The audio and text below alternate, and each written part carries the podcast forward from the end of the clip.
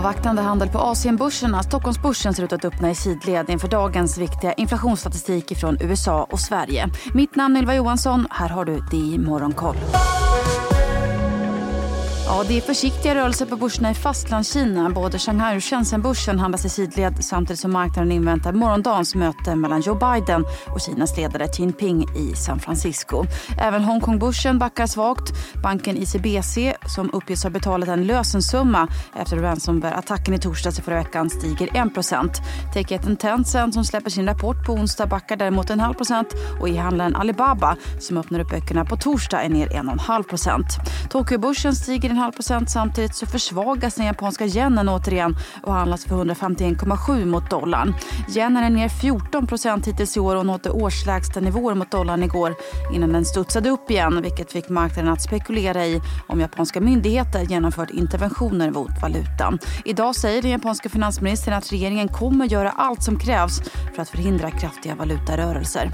Oljepriset fortsätter uppåt idag efter att oljekartellen OPEC plus slagit fast i sin månadsrapport att efterfrågan på olja inte inte kommer vara lika låg som marknaden befarat. Bräntoljan kostar knappt 83 dollar fatet. Och det var ganska försiktiga rörelser på Wall Street igår. Både breda Fund och 90 Nasdaq stängde svagt neråt i väntan på dagens viktiga inflationsbesked. Marknaden har ju i princip prisat in att räntan har pikat i USA trots en rad hökaktiga uttalanden från ledamöterna och Fed-chefen John Powell den senaste veckan. Inflationen väntas ha kommit ner från 3,7 till 3,3 procent i oktober.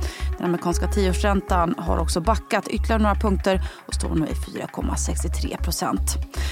Chiptillverkaren Nvidia som presenterat sitt nya avancerade AI-chip H200 steg för nionde dagen i rad och var upp 1% igår.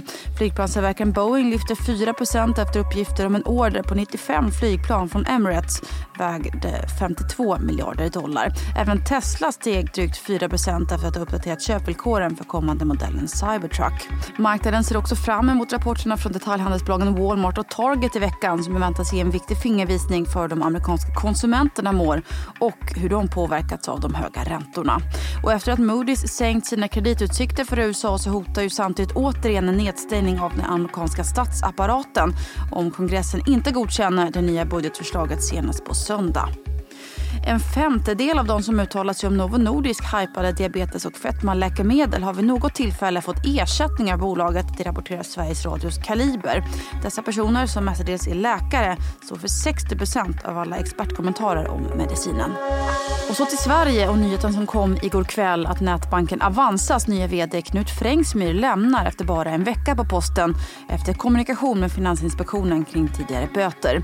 DI kunde ju i september avslöja att Frängsmyr har ett mångårigt ärende kring ett svartbygge i Solna. Något han inte upplyst styrelseordföranden Sven Hagströmer om i samband med rekryteringen.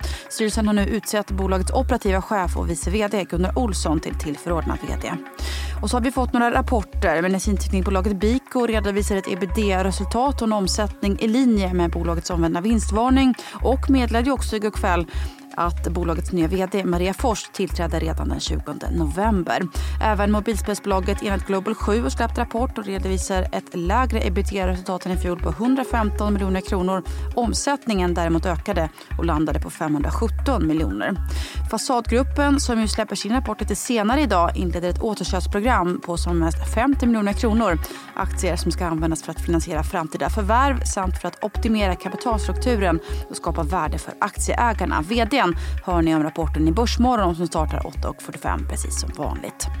Fastighetsbolaget Sagax har tagit in 2,1 miljarder kronor i en riktad emission som genomfördes kurs teckningskursen 212 kronor per aktie vilket motsvarar en rabatt på drygt 6% jämfört med gårdagens stängningskurs. Och Ferronordic köper amerikanska Rudd Equipment Company som är en av de största återförsäljarna för Volvo CE i USA för 95 miljoner dollar. Man köper även två fastigheter som hyrs av Rudd för 10 miljoner dollar. Nu är det ju heller inte långt kvar innan vi får veta hur det står till med svensk inflation. Och klockan åtta då får vi beskedet som ju blir direkt avgörande för Riksbankens räntebesked i nästa vecka. Det ser dock ut att kunna bli ännu en besvikelse. Mätt som KPIF väntas inflationen nämligen ha stigit till 4,4% i oktober från 4,0% i september. Vi håller då även koll på teknikkonsulten Sweco, specialstålsbolaget Aleime och Cefello, alltså bolaget bakom Linas matkasse som alla har kapitalmarknadsdag idag idag. Mitt namn är Ylva Johansson. Du har lyssnat på det i Morgonkoll.